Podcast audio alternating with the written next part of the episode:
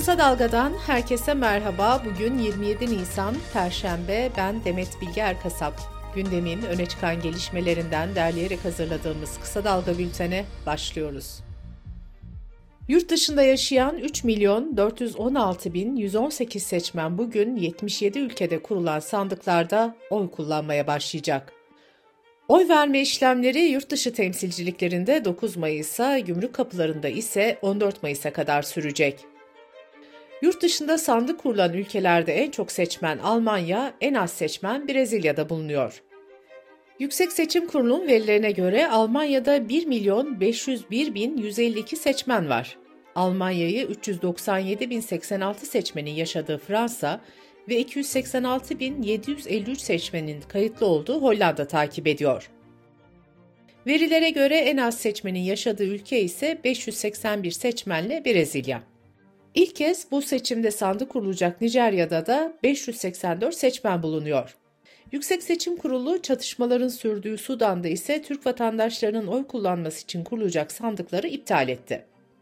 Yurt dışında oy verme işleminin sona ermesinin ardından oylar YSK'nın belirlediği yöntemlerle yüksek güvenlik altında diplomatik kuryelerle Türkiye'ye getirilecek.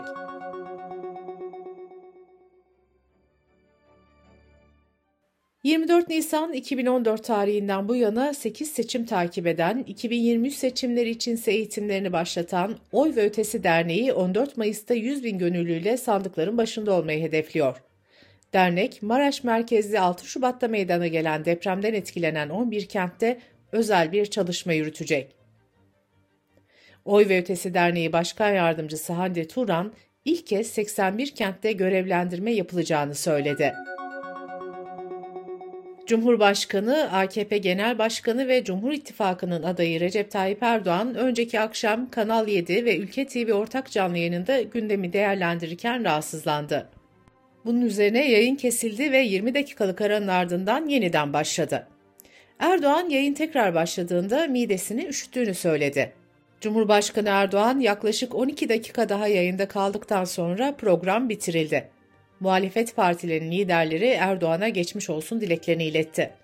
Erdoğan dün Twitter hesabından paylaştığı açıklamada yoğun mesai nedeniyle yayın esnasında küçük bir rahatsızlık geçirdiğini yineledi ve geçmiş olsun dileklerini ileten herkese teşekkür etti.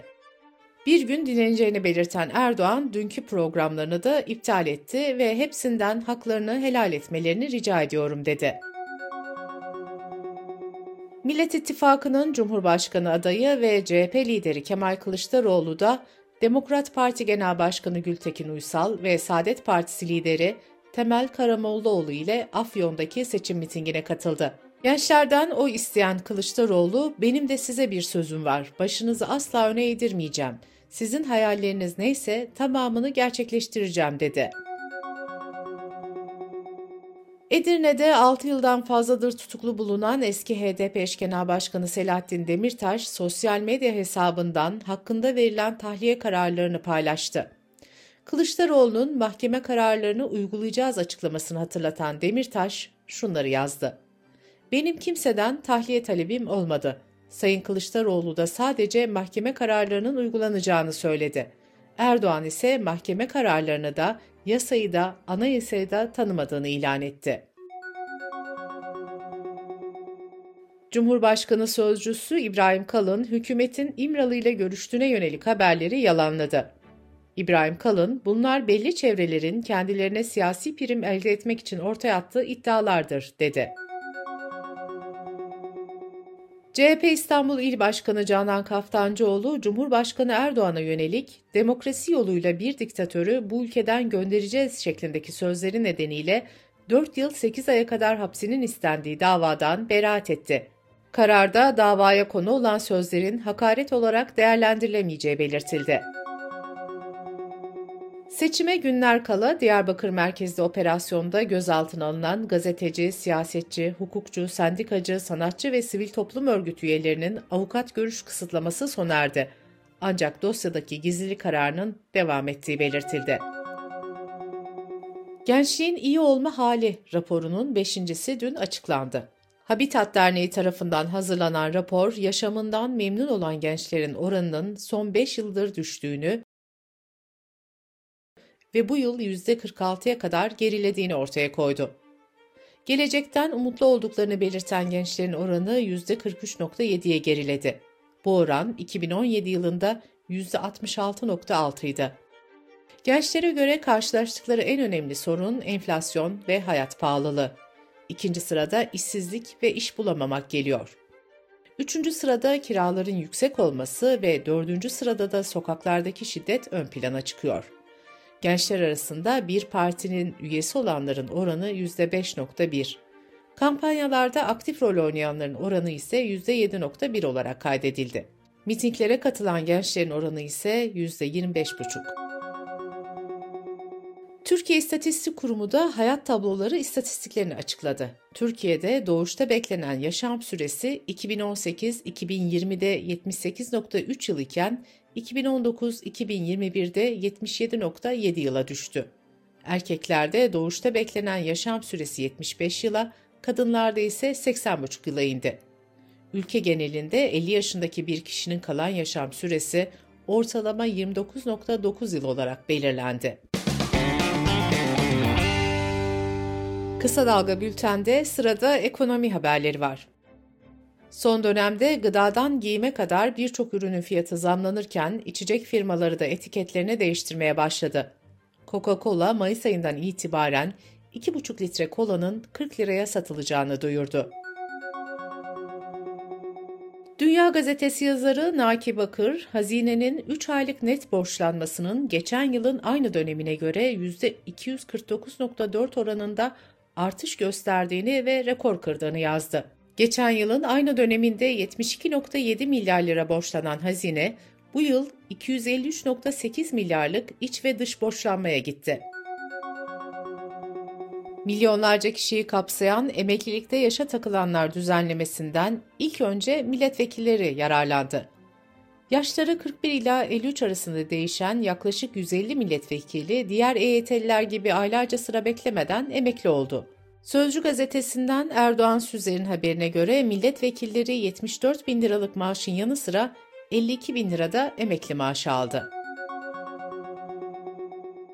Çeyrek altın üretimi bu yılın ilk çeyreğinde 2022'nin aynı dönemine göre %273 artarak 5 milyon 766 bin 940 adet oldu. Dış politika ve dünyadan gelişmelerle bültenimize devam ediyoruz. Türkiye, Suriye, Rusya ve İran Savunma Bakanları ve istihbarat yetkililerinin katılımıyla Moskova'da yapılan toplantının ardından Şam yönetiminden açıklama geldi. Suriye Savunma Bakanlığı toplantıda Türkiye'nin Suriye topraklarından çekilmesinin görüşüldüğünü bildirdi.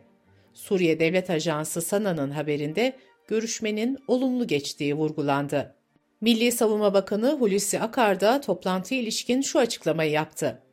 Ülkemizde misafir ettiğimiz Suriyeli kardeşlerimizin gönüllü, güvenli ve saygın bir şekilde evlerine dönmelerini sağlamayı amaçladığımızı paylaştık. Amerikalı yetkililer 2021 yılında Kabil Havalimanı'na düzenlenen bombalı saldırının mimarı olduğu düşünülen IŞİD liderinin Taliban tarafından öldürüldüğünü açıkladı. Üst düzey bir Amerikalı yetkili, hükümetteki uzmanlar bu kişinin gerçekten de saldırıdan sorumlu olduğundan emin dedi. Öldürülen IŞİD liderinin kimliği ise açıklanmadı. Taliban, Amerika'nın Eylül 2021'de geri çekilmesinden bu yana Afganistan'ın kontrolünü elinde tutuyor. Sudan'da 15 Nisan'da başlayan ordu ve hızlı destek güçleri arasındaki çatışmalar devam ederken Dünya Sağlık Örgütü'nden önemli bir uyarı geldi. Örgüt, Sudan'daki Ulusal Halk Sağlığı Laboratuvarını çatışan taraflardan birinin ele geçirdiğini ve başkent Hartum'da yüksek biyolojik tehlike riski olduğunu duyurdu. Bu arada çatışmalar nedeniyle Sudan'dan tahliye edilen Türk vatandaşlarından oluşan ilk kafile Etiyopya üzerinden Türkiye'ye geldi. Sudan'da bulunan yabancıların tahliyesinin devam ettiği bildirildi. İran'ın başkenti Tahran'da başörtüsü takmayanlara hizmet verdiği için daha önce uyarıldığı ancak bunları dikkate almayarak hizmet vermeye devam ettiği öne sürülen birçok işletme mühürlendi. Mühürlenen dükkanlar arasında 3 eczane de bulunuyor. Kafe ve restoranların çoğunun ünlü isimlere ait olduğu bu isimlerin Mahsa Amini protestolarına da destek verdiği belirtiliyor. Avrupa Parlamentosu'nun 2020 yılında kabul ettiği Dijital Hizmetler Yasası 25 Ağustos'ta yürürlüğe girecek.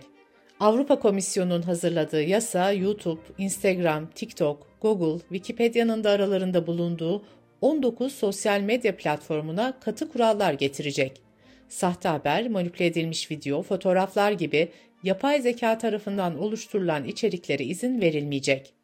BBC Türkçe'den Yusuf Özkan'ın haberine göre yasanın yürürlüğe girdiği tarihten itibaren yasa dışı ve zararlı içeriklere karşı önlem almayan sosyal medya platformları ağır para cezalarına çarptırılacak.